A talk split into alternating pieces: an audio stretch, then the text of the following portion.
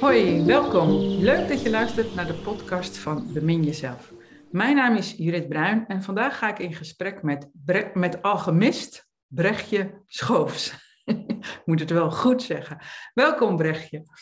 Dankjewel. Um, jij hebt een, een, een mooie visie over, uh, ik denk, als ik het goed zeg, het in de wereld brengen van de vrouwelijke pool voor zowel mannen als vrouwen. Klopt dat? Zeker, dat is een van de belangrijkste dingen die ik wel geloof ik hier te doen heb. Ja. ja. En dat is niet zozeer omdat dat per se is wat ik wil doen, maar wel omdat ik zie dat dat hetgene is wat eigenlijk mist in de wereld en wat de balans kan gaan maken. Mm ja. Dus ik werk op alle lagen, zeg maar. Ik werk op buik, hart en hoofdgebied. En als die lagen allemaal uitgelijnd zijn, dan zou je kunnen zeggen, dan ben je echt hier op aarde geïncarneerd. Ja. En je zou kunnen zeggen, de bovenste pol, meer het hoofd, hè, is meer verbonden ook uh, uh, met de hemel, met het mannelijke. En de onderste pol, dus hè, je, je, je buik, je bekken, is meer verbonden met het vrouwelijke. En voor mij gaat het om beide bij elkaar te brengen in jou. Um, en wat ik zie, wat er veel mist in de wereld, is eigenlijk die belichaming die individualiteit. Dus het is een belangrijk um, onderdeel van wat ik te brengen heb. En bedoel je met individualiteit dat het in elk persoon op zich eerst met elkaar verbonden moet worden? Is dat wat je bedoelt? Met individualiteit, um, ik vind een symbool waar ik even mee werk en waar eigenlijk um, voor mij het heel duidelijk in samenkomt, is een cirkel met een punt in het midden. En die punt, hè, die donkere punt in het midden, dat is individualiteit. En je zou kunnen zeggen, de cirkel is het geheel, de eenheid. Hè, dat we met alles eigenlijk om ons heen verbonden zijn. En dat is geen duaal iets. Dus het mooie is van dat symbool, als je heel erg um, weer uitzoomt, zeg maar, hè, van die punt, dan wordt het een cirkel. En andersom, als je van die cirkel erg inzoomt, wordt het een punt. Ja. Dus je zou kunnen zeggen dat wij hebben hier als mens bepaalde ervaringen te hebben. En die hebben door ons individualiteit te gaan om van daaruit weer in de eenheid samen te komen. Ja. ja. En andersom ook neem ik aan dat er vanuit die eenheid dingen gebracht worden naar de individualiteit, of niet?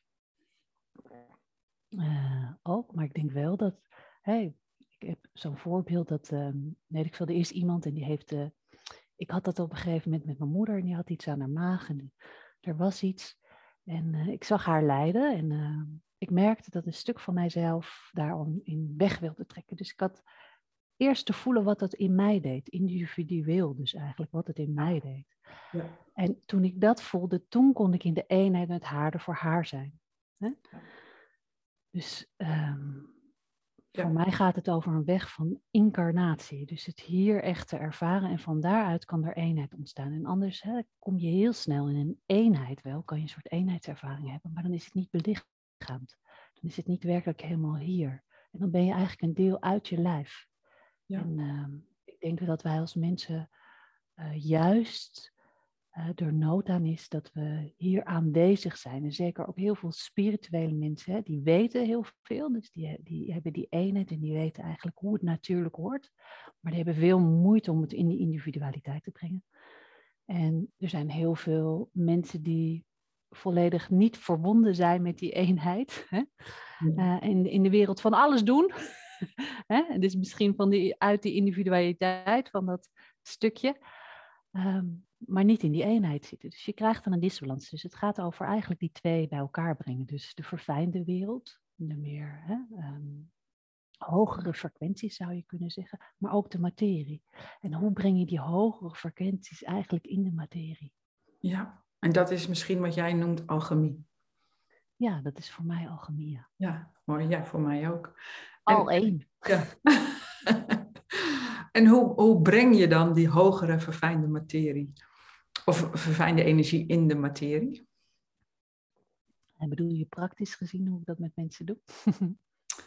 ja, ja, welke woorden jij daaraan aan geven wil. Ja. Een voorbeeld is ook mooi als je dat zo oppopt. Hmm. voelen wat dat. Ik denk dat het vaak bij mensen eerst gaat om ruimte in hun lijf te maken. Je zou kunnen zeggen als je boodschappen gaat doen, maar je, je, je, je winkelwagentje is helemaal vol, dan is er geen ruimte om iets op te nemen. Dus dat is ook met die hoge frequenties kan je dan eigenlijk niet opnemen. Dus wat er veel is, dat er eigenlijk geen ruimte is in ons lijf. En dat onze lijf eigenlijk een soort ja, herinneringskast is waarvan alles is opgeborgen wat we niet helemaal doorvoeld hebben en hebben kunnen laten gaan. Dus eigenlijk het openen van het lijf en dat er meer ruimte komt en dat er meer levensenergie ook kan gaan stromen, maakt dat je ook die hogere frequenties als het ware meer in het lijf kan gaan brengen. Ja. ja. Ja, en wat de luisteraars natuurlijk niet zien, is jij de levensenergie komt van onder, dat gebaar maak je. Ja. En dan bedoel je dan ook seksuele energie? Ja, voor mij is dat ook seksuele energie. En uh, seksuele energie is voor mij, uh, ja, alles wat wil vermeerderen in het leven. Dus alles wat creatiekracht, daar zit een onwijze creatiekracht. Wij vrouwen hebben een baarmoeder. En uh, wij kunnen daarin nieuw leven laten ontstaan. En dat is een heel groot mysterie wat in onze baarmoeder plaatsvindt.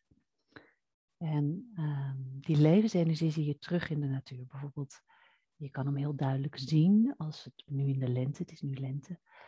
Uh, dan gaan de sappen in de bomen stromen, dan gaan de blaadjes weer openen. Dus het is die krachtige energie die wil creëren, die wil groeien. En uh, die is dus niet altijd per se opgewonden. Ik zie niet een boom heel opgewonden zijn, maar het is wel een, een, een sappig Voel die sappen die zo door je heen stromen. He, zou je je kunnen voorstellen. Dus het geeft levendigheid. Het geeft echt leven. Um, dus dat is voor mij uh, seksuele energie. En dat is uh, dus de energie die van onderuit komt. Dat is eigenlijk meer belichaming. Um, en wat ik zie, wat veel gedaan wordt, is dat er um, lichaamsbewustzijn wordt gebracht. Wat ook heel mooi is, maar dat komt meer van bovenaf. Dus dat is de, eigenlijk hè, zo vanuit de hemel de energie die zo naar de aarde gaat. En dat is ook vaak dat we bijvoorbeeld kunnen ervaren en, uh, in ons lijf dat we kunnen zeggen van, oh ja, ik voel hier dit en, en, en, daar gebeurt dat. Dus dan heb je altijd nog een soort waarnemer, iemand die aan het kijken is, wat er in je lijf gebeurt. Ja. Um, en dat is heel waardevol. Dus dat is heel waardevol en ook een, een manier maar het is nog steeds dat op een bepaalde manier eigenlijk dat hoofd, die waarnemer, nog steeds eigenlijk uh, een bepaalde controle heeft. En voor diepere belichamen, en dat eigenlijk zie ik dat in geen ene spirituele stroming of eigenlijk ook een uh, uh, lichaamsgerichte psychotherapie of andere dingen, zie ik dat niet, is de meer vrouwelijke pol. En dat gaat voor mij over belichaming. En dat is eigenlijk meer in dat um, donker kunnen zijn. Het onbewuste. Hè? Het is niet het onderbewuste, maar het onbewuste. Dus dat is ook nog een verschil. Hè? Je hebt bewust, onderbewust en onbewust. En onbewust zou je kunnen zeggen, is zoals um, je ademhaalt, uh, je bloed door je lijf gaat. Dat zijn allemaal uh, dingen die onbewust gebeuren. Net zoals een baby in je baarmoeder. Dat is niet zo dat jij zegt, nou en nu gaat, die, gaat dat been groeien en nu gaat dat gebeuren. Dat is eigenlijk een stukje overgave waarin je dat kind ontvangt. En dan gaat dat proces zich ontvouwen. En wij hebben de neiging nogal om daar controle over te willen. Daarom dat we ook allemaal echo's doen, dat we daar van alles mee willen.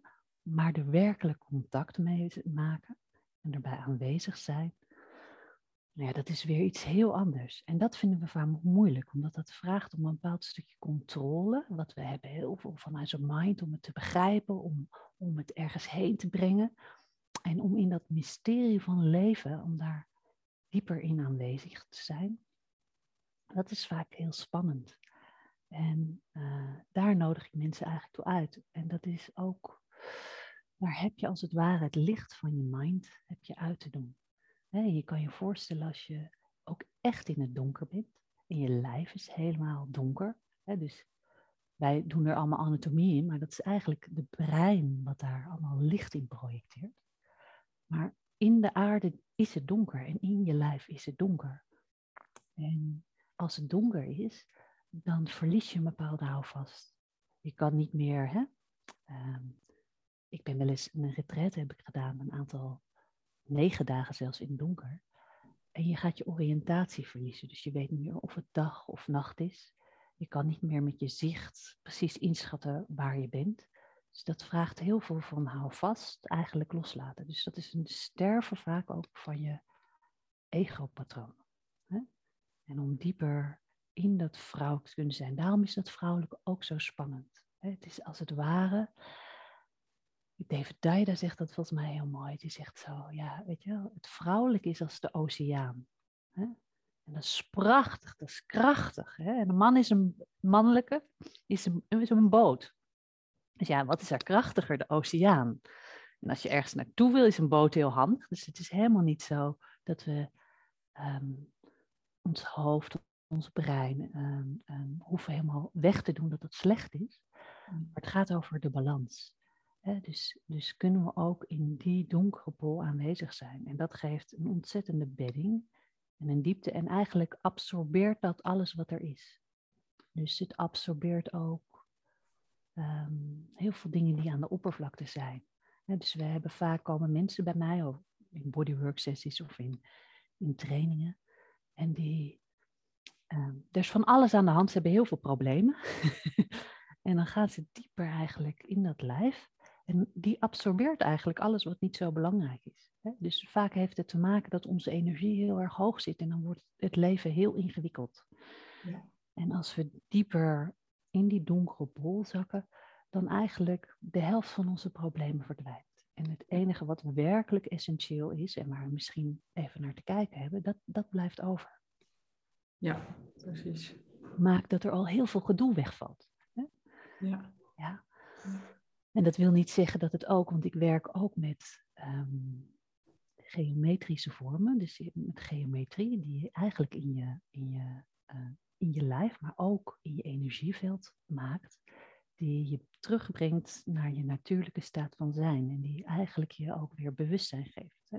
En dat is dan ook dat bewustzijn wat je soms nodig hebt, hè? als er heel veel levensenergie en heel veel um, seksuele energie gaat stromen, dan botst dat allemaal aan tegen ego-patronen, tegen persoonlijkheidsdingen. Dus we hebben ook een bepaald zicht wel te hebben op, uh, hè, om, om, niet helemaal dat te gaan leven, uh, uh, wat werkelijk onze zielen, zielenwaarde is, als we vanuit onze ziel leven, of dat we in de diepte eigenlijk allemaal vanuit onze angsten en onze maskers leven. Hè? Dus. En, en daarvoor heb je echt dat bewustzijn en dat hemelbewustzijn ook nodig. Zeker. Dus um, bij mij is het niet zo dat, dat, um, dat ik zeg, ik ben alleen maar voor die donkere pol en dat andere, dat is er niet. Ik vind, het is, het is die eenheid, het geheel. Ja. Alleen ik zie wel um, dat er eigenlijk de, de diepe aardebewustzijn, het diepere weten daarvan, dat is heel erg verloren te gaan we proberen dat vaak, proberen mensen dat dan ook nog wel in technieken te doen en in dat soort dingen, maar daarmee verdwijnt die vrouwelijke pol. Dus het vraagt echt van ons om je schoenen uit te doen en in dat niet weten te durven stappen. Ja. Daar contact mee te maken is nog heel iets anders dan uh, bij wijze spreken het gaan cultiveren en er echt iets mee te gaan doen. Want dan zit je weer in dat doen en dan zit je eigenlijk, ga je vanuit die mannelijke pol het vrouwelijke benaderen. Ja. En dat zie ik eigenlijk heel weinig. En dat is een van de dingen die ik echt te brengen heb hier. Ja, mooi.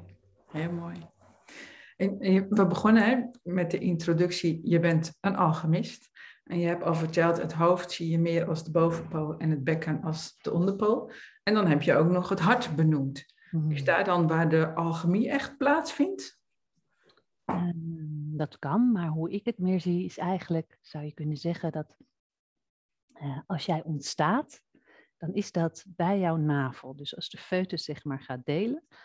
En dan aan de achterkant van de navel bij je rug zit dan de levenssport. En daarvanuit ben je eigenlijk gaan delen. En van daaruit is dat hart gegroeid en dat hoofd gegroeid.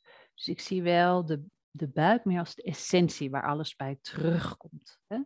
Dus eigenlijk heb je die basis eerst nodig, die wortels eerst nodig.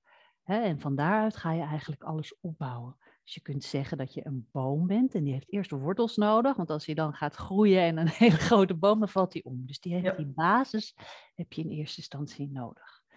En ik zie het hart als, zeker hier in het Westen, als de plek waar van de ziel, hè, ziel en spirit, waar dat samenkomt. Dus die maakt wel die verbinding daarin, ja, zeker. En ik denk dat je op al die, dus op, op uh, meer buikgebied kan je die alchemie, die kern eigenlijk in jezelf laten plaatsvinden. Op hartgebied en op hoofdgebied. Dus op al die lagen kan je eigenlijk weer in je essentie komen, in je centrum daarvan komen. En de meeste mensen hebben uh, één voorkeur, zeg maar, vaak ook uit vorige levens en dat soort dingen.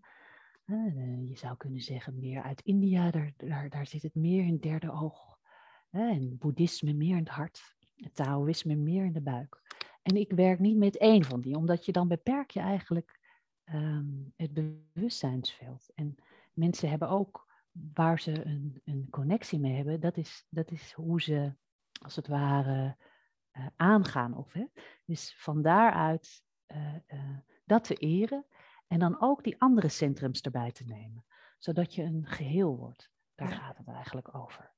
Ja. mooi dat je dat woord eren gebruikt. Dat, hè? dat alles gewoon er mag zijn, erkend wordt, geëerd wordt en daarvan uit verder gaat. Dat zorgt al voor zoveel ontspanning en ruimte in mensen dat, er ook gewoon, dat het ook mogelijk is.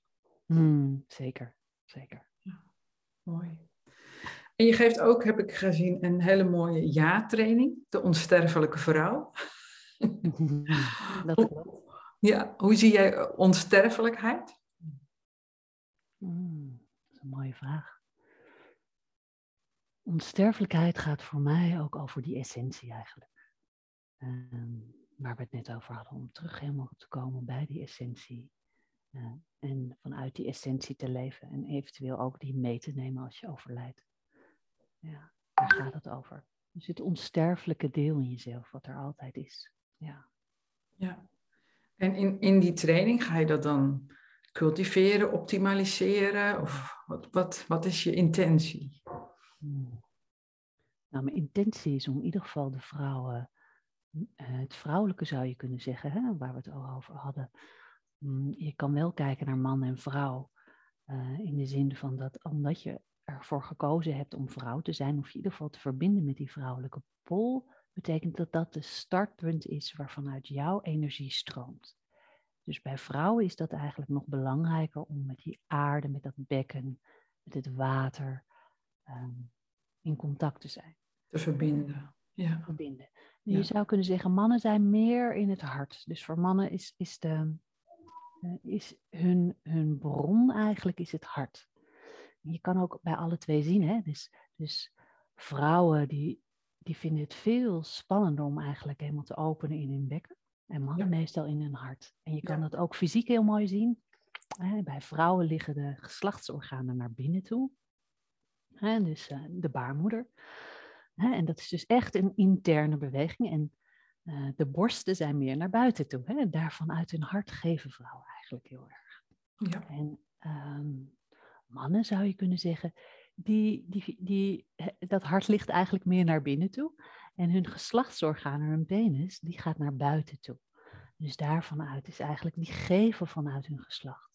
En vaak waar we ontvangen, dat is de meest spannende pol voor ons om helemaal te zijn. Maar dat is wel als het ware een soort hele belangrijke wortel, waarvan uit ieder geval energetisch energie, de levensenergie gaat stromen. Ja. Ja, dat is naast dat ik die vrouwelijke pol afwezig is, hè, wat ik zei, ik vertel van die pol zowel voor mannen en vrouwen heel belangrijk omdat die gewoon maatschappelijk afwezig is. Is dit het verhaal meer op individueel niveau hoe het werkt, op fysiek niveau met mannen en vrouwen? Ja. En um, wat ik eigenlijk doe met de vrouwen is dat ze dieper in hun basis komen, hun vrouw zijn. Hè? Die bron van creatie die zij van nature zijn. Omdat zij, als zij daar niet aanwezig zijn, dan zijn ze los. Hè? Ja. Dus dat is het begin. En van daaruit eigenlijk uh, de stroom naar het hart. Want je zou kunnen zeggen, heel veel vrouwen wat die doen is dat ze heel veel geven, maar dat ze zichzelf weggeven.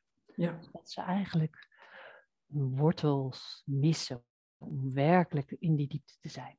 En heel veel vrouwen zijn meer in de mannelijke pol geschoten en ook in het denken geschoten en dat soort dingen. Dus soms hebben we eerst ook terug te gaan en contact te maken met het hart en de veiligheid van de warmte en de liefde en de verbinding te voelen. Om die warmte mee te nemen naar het bekken en daar als het ware te gaan smelten. Die stukjes die bevoren zijn van angst, hè, waar we misschien al generaties lang, hè, je hebt vrouwen natuurlijk met verkrachting te maken hebben, die, die op een bepaalde manier seksueel zijn misbruikt of daar ehm, ervaringen hebben opgeslagen, soms ook hè, niet eens. Uh, soms kan het van generaties daarvoor zijn, maar ook kan het zijn gewoon van bevallingen, van andere dingen die lege ruimte van de baarmoeder is eigenlijk een plek die leeg is. En als je daar echt aanwezig bent, dan is jouw energie daar. Maar als jij daar niet aanwezig bent, kan daar van alles inkomen dat niet van jou is en daar thuis hoort. Dus het is als het ware alsof je de kelder, waar, daar kan je allemaal troep wegstoppen. Ja. En om dat als het ware schoon te maken en eigenlijk, het gaat niet zozeer om die troep. Dus we gaan niet ons te veel richten op op, op alle dingen die daar zitten. We eigenlijk zinken we daar doorheen, zodat je in een veiligere ruimte komt die het bekken eigenlijk is. En in de voeding daarvan komt. Mooi. En, en ik zeg nu bekken en buik als, als plek, omdat we dat zo in het lichaam noemen, maar het is groter dan dat. Dus het zit niet aan, het is eigenlijk een veld, zou je kunnen zeggen. Het is een bepaalde frequentie. Ja. En daar neem ik die vrouwen eigenlijk dieper in mee. Ja. En gaat, gaan we eigenlijk de stroom helemaal tussen het bekken, het hart en ook het hoofd gaan ontdekken. En ook de dingen die ons in ons hoofd tegenhouden om eigenlijk ons dieper te durven overgeven. Maar het gaat diep over overgave, over kunnen ontvangen. En in de diepte van je eigen vrouwelijke pol aanwezig kunnen zijn. Ja, mooi. En je benoemde net heel mooi dat, dat ontvangen is eigenlijk een soort van de zwakste schakel in in het proces, ook tussen man en vrouw. En ehm, heb jij daar een visie, idee over hoe dat zo gekomen is? Dat we dat zo moeilijk zijn gaan vinden? Het ontvangen. Ja. Ja. Uh, nou ja, dat heeft te maken met dat het heel erg hoort bij die vrouwelijke pol. en dat die vrouwelijke pol eigenlijk, dat we die um, algemeen eigenlijk als minder waardevol zijn gaan beschouwen. Dus we zijn natuurlijk heel erg gericht, doelgericht op, op winst of profit. Omdat we de dingen die moeten zichtbaar zijn en uh, um, uh, doen. En dat is heel iets anders dan ontvangen. Ja. En in diepte gewoon aanwezig zijn, zonder iets te doen. En dat is algemeen cultureel, hè? is ook door de religie die gekomen is. Dus je zou kunnen zeggen dat uh, in de diepte kunnen ontvangen van de aarde en van het water. Hè, wat we eerder, die seksuele energie, die maakt je ook krachtig. die, die sterkt jouw individualiteit. Hè. En dit is eigenlijk de kern van waaruit bewustzijnsgroei, dus de benzine zou je kunnen zeggen voor je bewustzijnsgroei. Hè. En um, als je die wegneemt, dan kunnen mensen niet zoveel bewustzijnsgroei eigenlijk hebben. In ieder geval niet hier op aarde brengen. Dan kunnen de machthebbers, hebben alle macht om alles te manipuleren en te doen. Ja. Dus als we die pol, zeg maar, weer terugnemen, hè, dan ga je veel meer in je universiteit wat jij wil, wat voor jou belangrijk is, en zit je niet. Hè, dus dat is dan ja, dus dat heeft belang geweest ook in de kerk, uh, machthebbers, die eigenlijk die pool, die vrouwelijke pool daaruit weggeschreven hebben. En ook omdat het dus onbeheersbaar eigenlijk is. Dus dat mysterie van het vrouwelijke net zo als ehm, je weet niet wat er gaat gebeuren. En wij als mensen vinden dat heel spannend om in dat niet weten te zijn. En daarin ontvankelijk en open te zijn. Ja. En ehm, ja, dat maakt volgens mij dat die vrouwelijke pol en die aardepol ook is verdwenen. En daarin zijn we dus eigenlijk onnatuurlijker geworden. En je ziet het nu ook, we willen allemaal naar Mars toe. maar het contact met de aarde is er niet. En je ziet het ook op veel plekken in de natuur, omdat wij als mensen eigenlijk ons eigen aardebewustzijn met ons lichaam uh, niet meer hebben en niet in verbinding zijn met de aarde, trekt die aardebewustzijn zich terug. Dus de overvloed de, de, de, de, de rijkdom, ook het eh, niet meer kunnen ontvangen van kinderen. Dus, hè, dus er is ook echt een terugtrekking van de uh, vruchtbaarheid. Ja, ja. ja, die zich terugtrekt. Het heeft allemaal daarmee te maken. En, en wij als mensen kunnen daar niet zonder leven, want dan hebben we geen eten hè, als het vruchtbaar, hè, ook, ook in de natuur en dat soort dingen. Die overvloed en die rijkdom en, en wat we van de aarde krijgen. Als we dat niet eren en eigenlijk in onszelf kunnen gaan ervaren en, en dieper eigenlijk kunnen versmelten weer met de aarde, met dat aardebewustzijn, ja, dan, dan, dan gaan we eigenlijk naar destructie toe. Ja. Op het grotere geheel wat we ook nu zien in de wereld. Dat zien we inderdaad, ja. Dus dat is eigenlijk een, een, een mannelijk dat, dat opgeblazen is. En ik bedoel daar dus niet mee het mannelijk ehm, wat wij cultureel als man en vrouw zien, maar echt de polen van min en plus. Dus, en ehm, het is een mannelijk eigenlijk dat ontzettend veel onveiligheid in die basis eigenlijk mist, waardoor het zichzelf opblaast en groter maakt en dingen doet die eigenlijk destructief zijn. Ja. Dus het heeft ook voor het mannelijk is het ontzettend belangrijk om die polder weer mee te nemen. Je zou kunnen zeggen, hè, dus, dus het vrouwelijke geeft, is de basis en daar leunt alles op. Hè, en, en die hebben we nodig en als we die weghalen, dan, dan ontstaat er iets heel onnatuurlijks. Ja. En dat is wat er gaat gebeuren. Dus dan creëren we een wereld die echt heel onnatuurlijk is. En ja. dat kan natuurlijk, want de natuur uiteindelijk maakt zichzelf weer in balans. Dus dan, we hebben ook ijstijden gehad. Dus nou ja, de, de, de natuur is altijd krachtiger. Ja, precies. Geloof ik ook. Ja. Je benoemde net ook, het, het individualisme is al een paar keer voorbij gekomen, maar ook dat je expliciet benoemt van dan kies je wat goed is voor jou. En dan denk ik dat je daar ook mee bedoelt zoiets als van wat goed is voor jou en tegelijkertijd het grote geheel dient, omdat je het helemaal kiest vanuit een balans. Of... Ja. ja, klopt dat? Ja, en dat is eigenlijk waar ik mee begon. Dus die cirkel en die punt. Dat dat geen twee verschillende dingen zijn. Hè? Ja. Je krijgt eigenlijk, en dat zou je ook kunnen zeggen, hart en bekken. Als je alleen maar bekken hebt, dan kan het egoïstisch worden. En als je alleen maar hart hebt, dan kan het alleen maar op wij en dan is het niet voor jou individueel goed. Dus het heeft altijd in uh, stroom met beide te zijn. Hè? Dus het is niet het een of het ander. Hè? Daarom dat ik ook zeg, het gaat niet alleen over, over die, de, hè, de donkere pool en, eh, of over de lichte pool. Het gaat over donker en licht in jezelf samenbrengen. Ja. Dan ontstaat er alchemie.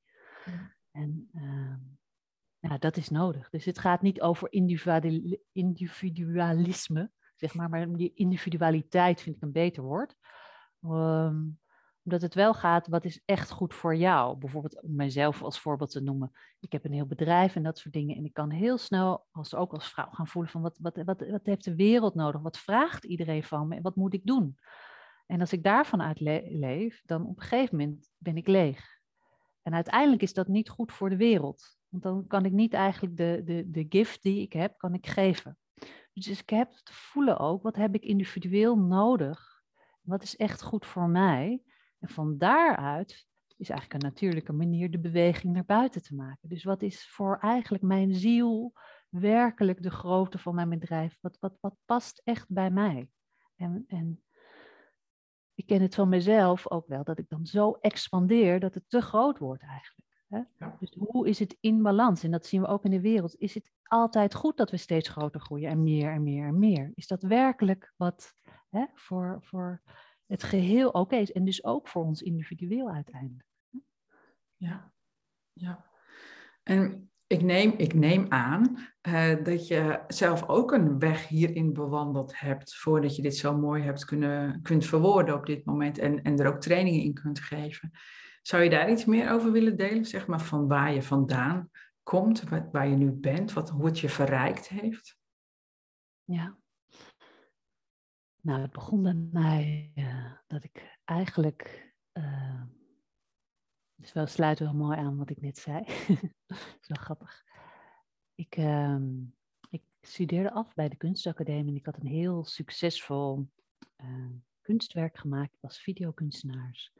Wat eigenlijk ook ging over aanraking, contact. Maar er kwam zoveel naar me toe, zoveel mensen die interviews wilden, allemaal mensen die dingen wilden, dat het zo spannend eigenlijk was. En ik had geen basis, geen goede basis. Dus ik brandde eigenlijk helemaal op. Ik kon die individualiteit, wat ik nodig had, niet voelen. Dus dat betekende dat ik daarna ehm, met hartkloppingen zat. In, ik weet nog, ik ging daarna op vakantie naar, naar Thailand met hartkloppingen in het vliegtuig zat. Daarna thuis zat en als ik een kwartiertje aan het stofzuigen was, uh, in huilen uitbarstte.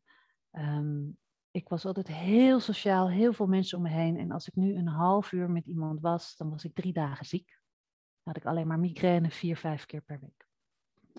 Dus dat maakte dat ik iets moest doen. En ik was toen, uh, hoe oud was ik? 4, 25, dus vrij jong.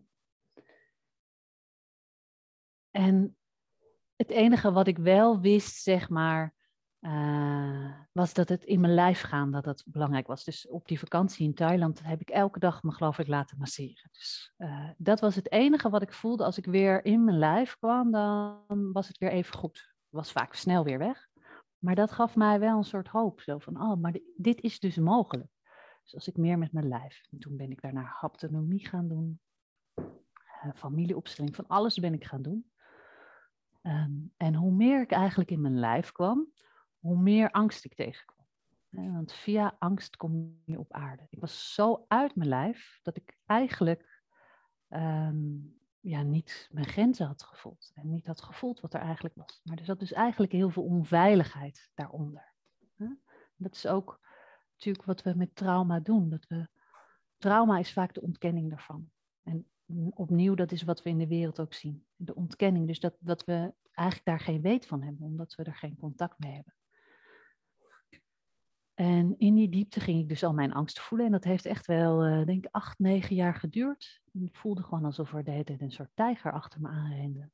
Hè? Dus voortdurend in de onveiligheid. Dus als ik een café binnenkwam, dat geluid, dat triggerde gelijk ontzettend veel onveiligheid. En ik ben bodywork opleiding gaan doen. Ik ben ontzettend veel gaan doen. Ik geloof dat ik vijf keer per week vrouwentraining deed. Dus ik ben, want het was ook een noodzaak. Dus ik wist alleen maar als ik in mijn lijf was, dan ging het goed. En dat breidde zich steeds meer uit in mijn leven. En dat is steeds meer onderdeel van mezelf geworden. En van daaruit ben ik op een gegeven moment een praktijk geopend. Ben ik uh, sessies gaan geven die mij ook weer hielp om nog meer in mijn lijf te zijn. Ja. En uh, uiteindelijk ben ik les gaan geven. En uh, nou, dat is toch een proces van, denk toch wel 12, 13 jaar geweest, waar ik eigenlijk toen was er een basis. Dus het heeft zo lang geduurd voordat ik echt die grond, dus eigenlijk al die, die dingen die ik in die grond had gestopt, om die eruit te halen. En uh, wat de rijkdom daarvan is voor mij, nou, het heeft heel mijn leven veranderd. Dus alle vrienden die ik destijds had, die ben ik kwijtgeraakt. Alle mensen.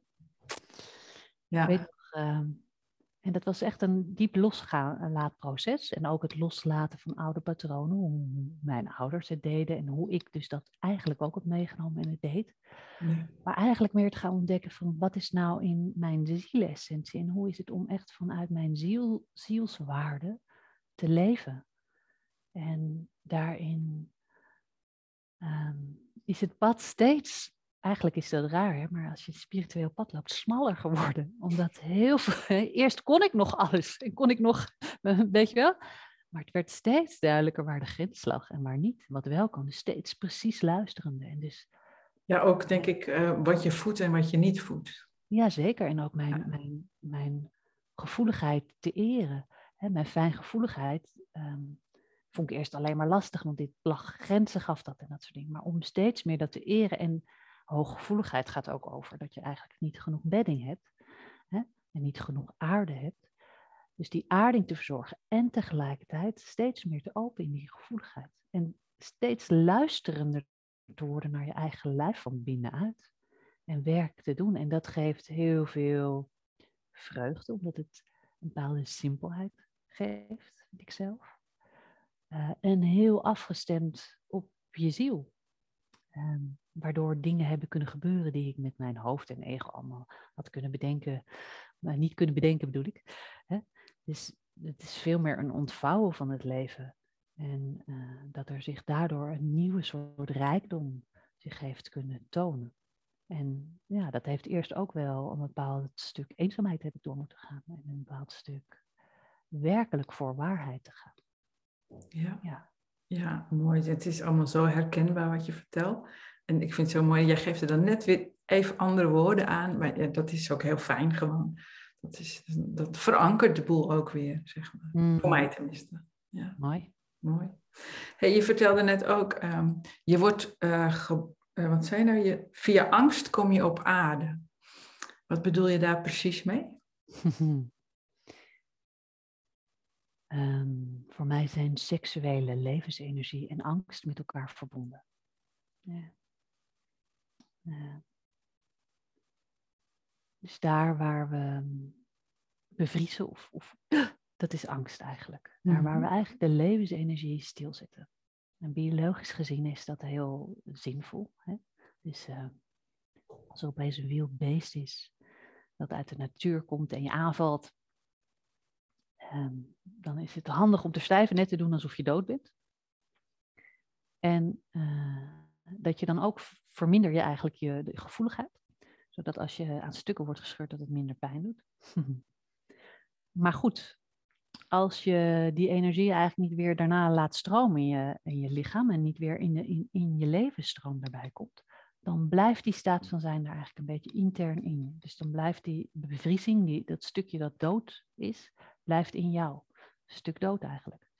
En op zich is dat niet erg, maar het maakt dat je eigenlijk minder levensenergie hebt en minder vitaliteit. Ja. Minder het leven helemaal toelaat. Dus voor mij eigenlijk gaat het over, over van ik ben leven en wat zet ik nog tussen het leven in? En daar werkelijk in te voeden. En dat is vaak diepe angsten die we hebben. En dat zijn ook de ego-patronen eigenlijk die we hebben. Vaak is er een diepe angst van dat we niet goed genoeg zijn, dat we niet oké zijn. En vanuit die angst hebben we allemaal maskers. Dus hebben we allemaal, dan doen we het lieve meisje dat alles voor iedereen doet, zodat ze maar waardering krijgt. Omdat ze eigenlijk in de diepte overtuigd is dat ze niet oké is. Of degene die zich uh, veel groter maakt en uh, doet alsof ze alles aan kan en of ze het goed kan. Maar, uh, of man, weet je wel. Die, die maar eigenlijk in de diepste een diepe angst zit van niet oké te zijn. Ja. En dus dat maakt eigenlijk die angsten uh, dat, je, dat, dat je die onnatuurlijke wereld voor jezelf creëert, eigenlijk wij met z'n allen. Dus door daar dieper in te komen en eigenlijk die angsten um, meer op lijfelijk niveau ook te gaan ervaren. Dus wat veel angst doet, is eigenlijk dat we. Je kan eigenlijk geen angst ervaren door, zonder gedachten. dus als je angst ervaart, is het, is vaak gekoppeld aan een gedachte. Heel veel emoties zijn gekoppeld aan gedachten. En die, die gedachten hebben we vaak, omdat we een ervaring hebben gehad, hebben we daar een conclusie uitgetrokken. En een bepaalde overtuiging, een bepaalde gedachte. En die gedachten, die herhalen we. Dus dan, hè, dan uh, bijvoorbeeld bij mij, uh, als ik dan in, in, in een ruimte kwam waar heel veel geluid was, dan, dan, dan herinner me dat, hè, kwam er een bepaalde herinnering, bewijs van, ik zeg maar wat hoor, uh, mijn geboorte waarin er ontzettend veel hectiek was toen ik geboren was. Nou, daar herinnert, maar die angst komt weer omhoog. En je zit in je verleden, in, een, in een, ergens anders. Hè. Het kan ook vorige levens zijn, kan allemaal. Dan ben je niet in het hier en nu. Hè. Ja. En eigenlijk langzaam die stukken te gaan laten smelten en weer onderdeel te laten worden van je levensenergie. En eigenlijk niet meer ertussen te zetten. Hè, tussen ook je hart en je bekken en tussen de stroom van leven in jou, het leven wat jij bent, maakt dat je vrijer wordt als mens. Dat je veel vrijer wordt en dus niet eigenlijk soort van uh, de hele tijd maar geregeerd wordt door je verleden. Dus dat je echt in het hier en nu aanwezig bent. En dan ben je echt aanwezig ook um, in, in de wereld hier op aarde wat er nu nodig is. Hè? En nou ja, dat kan je ook zien in, in hoe we nu reageren met oorlog of met COVID op dingen. Het komt allemaal eigenlijk vaak voort ook uit triggers van onszelf, van vroeger of van waar dan ook, of van, van oorlogsverledens van, van onze voorouders, die eigenlijk een bepaalde, waardoor je reageert. En dan reageer je niet van het hier en nu. Ja. Dus dat is eigenlijk die angst. Je hoeft dat dus niet helemaal te analyseren. Uh, want die neiging hebben we ook. Omdat helemaal, hoe zit het in elkaar? Waarom is dat gebeurd? En soms kan het omhoog komen, dat is prima. Maar we kunnen daar soms te veel aan, vasthouden. En dan krijgen we weer die, diegene die de hele tijd overzicht houdt. En de hele tijd probeert jezelf veilig te houden. Maar vanuit een overlevingspatroon. Maar om eigenlijk dieper te zinken, weer, door die angsten heen, in een veiligheid van jezelf. Ja, precies. Ik heb ineens bezoek van twee honden. Ach. dus even een uh, Ik zag het inderdaad. onderbreking. Als je wat geheig hoort, dat komt van de honden. Kom, ga eens mee. Met, ga mee. Hij moet er even halen, denk ik. Ja, dus eigenlijk is, um, ik vroeg van, via angst word je geboren, maar misschien bedoel je dan meer uh, een soort van tweede geboorte. Dus je bent al hier en dan al je angsten doorwerken, word je eigenlijk opnieuw geboren. Of word je meer jezelf. Of... Ja, en dan dus eigenlijk niet doorwerken. Want we hebben heel erg de neiging om heel hard te werken en ja. aan onszelf te werken. En wat ik absoluut niet doe, is aan jezelf. Want ja. dat is weer het patroon van heel hard je best doen en je bent niet goed genoeg en dat soort dingen. Ja. Het gaat er eigenlijk om dieper te ontspannen. En eigenlijk door die ontspanning en het openen van je lijf kunnen kan het lijf en de lichaamswijsheid kunnen de dingen die nog opgeslagen eigenlijk goed gaan integreren. Of gaan, gaan hè, wordt daarmee gedaan wat er gedaan. En dat vraagt dus een stukje overgave van eigenlijk die dingen, ons, ons brein die van alles wil en die van alles daarmee wil en dat wil controleren. Ja. Dus dat vraagt weer opnieuw die vrouwelijke pol om daarin die lichaamswijsheid en dan kan dat in die stroom weer worden opgenomen. En eigenlijk zou je kunnen zeggen, die bevroren angst is gewoon seksuele energie. En die levensenergie, die kan weer gaan stromen en dat kan weer onderdeel gaan worden van jou. Dus het is niet negatief, maar het heeft te maken dat we er eigenlijk doorheen zinken, dieper, dieper doorheen gaan. Dus angst is eigenlijk alleen maar een teken, tenzij je nu een tram hebt waar je onder loopt, dan is het heel gezond dat je even angst hebt dat je daar niet onder loopt. Maar over het algemeen is angst eigenlijk een teken dat je niet in je lijf bent. Ja, dus het is een teken dat je denkt, ah, nu moet ik dus meer in mijn lijf gaan komen en daarin gaan voelen. En eigenlijk ontstaat er daardoor bedding voor die angst en kan dat weer gaan stromen en kan je weer echt in het nu komen. Ja, mooi. Ja, denk ook. Maar, ja. we hebben, maar we hebben die angst dus wel te voelen. Dus we kunnen niet, hè, dus wat ik soms zie in training bij mij, ik werk met die donkere pol, dat op, op een gegeven moment gaat die levensenergie gaat stromen, komen er meer angsten. Die waren er altijd al, maar we zweefden erboven. Ja. En om die te gaan voelen en doorheen te zakken, en dat zie ik ook bij mensen, dan op een gegeven moment verdwijnt dat. Maar je hebt wel een, een fase waarin soms je lijf meer pijn gaat doen, soms er meer. En dat hoort bij het proces van dat je lijf eigenlijk meer ruimte gaat maken. Van het ontkrampen. Ja. Ja, ontkrampen kan heel veel pijn doen. Ja, zeker. heel mooi gezegd. En dan denken mensen vaak, oh, het gaat niet goed. Dan zeg ik, nee, maar dat is ontkrampen. Ja. Ja, dat er weer ruimte is. Ja, mooi. Ja, ik kan het helemaal onderschrijven wat je vertelt. Prachtig. Ja. Wat leuk. Dus, uh, een hele mooie, mooie manier van, uh, van werken. Dus dat, zo zie ik het ook. Ja, mooi. Fijn, dankjewel. Hmm, Dank je wel voor het uitnodigen en voor de vragen. Ja, is er, is er iets wat je zelf nog wil delen met, met degene die luisteren nu? Hmm. Of wat iets wat nog in je oppopt? Nou, even voelen dan. Mm -hmm.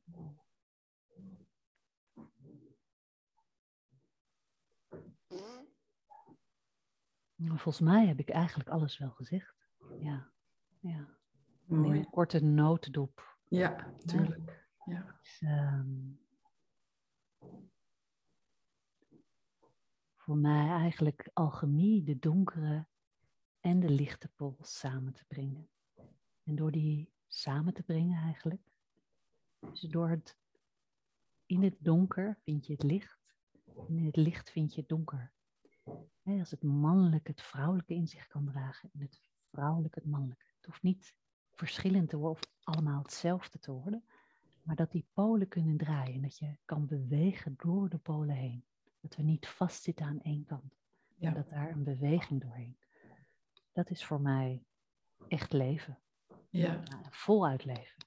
Mooi, het is echt een prachtige afsluiting en, en samenvatting. Dank je wel. Hmm. Bedankt voor het luisteren. Wil je meer uh, weten, dan kun je gewoon googlen op Brechtje Schoofs. Komt helemaal goed. Brechtje met CH. Uh, en T. En een T. Oh ja, sorry. Ja, Brechtje. Sorry. Ja, met, ja. En um, wil je meer weten over, uh, of wil je meer van deze podcast luisteren, abonneer je dan op dit kanaal. Je kunt ook eens kijken naar een webinar. Ga dan naar www.beminjezelf.nl of naar www.schoolofauthenticbeing.com. Dankjewel voor het luisteren. Dankjewel Brechtje voor je tijd en je mooie verhaal, je mooie visie die je met ons gedeeld hebt. En uh, wie weet tot de volgende keer. Dankjewel.